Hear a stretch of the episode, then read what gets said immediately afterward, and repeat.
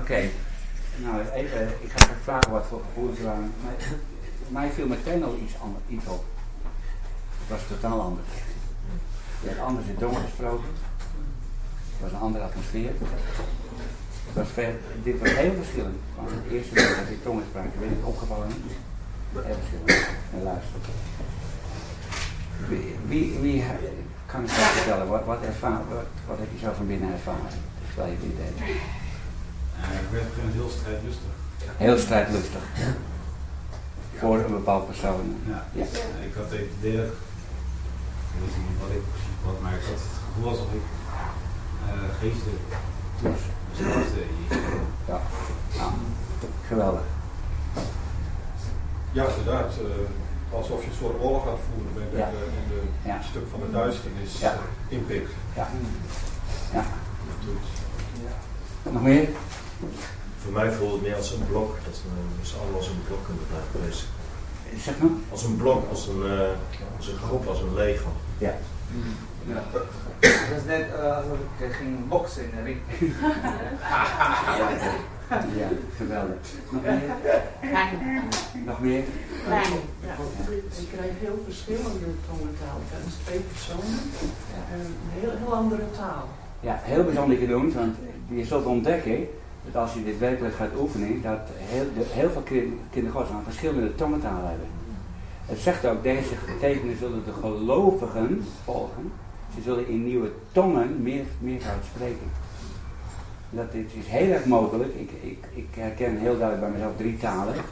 Op bepaalde momenten. Dat de ene taal is voor persoonlijke opbouw, de andere is voor voorbeden en voor aanbidding. Daar gaan we straks even over praten. Wat voor andere gevoelens? Heel bijzonder dat je dat zegt. Nou, ik had eh, een persoon in mijn gedachten en eh, ik kreeg bewogenheid. En kwam er eigenlijk werd het vervangen door, door een andere naam of er kwam een naam bij. Ja. Ja, dan wil de Heer ook dat je daar eh, Ja. gaat uitbreiden. Ja. Oké. Heel, heel, heel opvallend dat eh, ik was, ik was helemaal niet, niet bewust aan het nadenken. Dus zei van, eh, ook nadenken over de persoon. En ik was helemaal niet zo bewust aan, ook niet eens, aan- had niet eens aan God gevraagd. Ik was gewoon, gewoon aan het luisteren en ik, komt er een naam in mijn hoofd. Ja. Waar ik helemaal niet, helemaal, helemaal niet, aan, niet aan gedacht heb, zeg maar. Dus dat was wel heel, eh, heel duidelijk. Voorbeden. Ja. Ja. We gaan het zo even pauzeren. Maar merk je nou dat het gevoel heel anders is?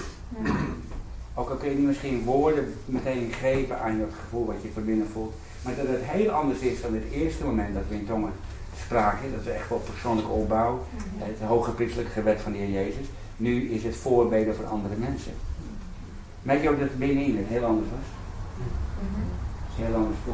Nou, dit is maar, we gaan straks nog een paar dingen behandelen, dan gaan we het ook oefenen. Het is maar een hele eenvoudige beginoefening om te gaan beseffen dat er heel verschillende gevoelens zijn in de geest.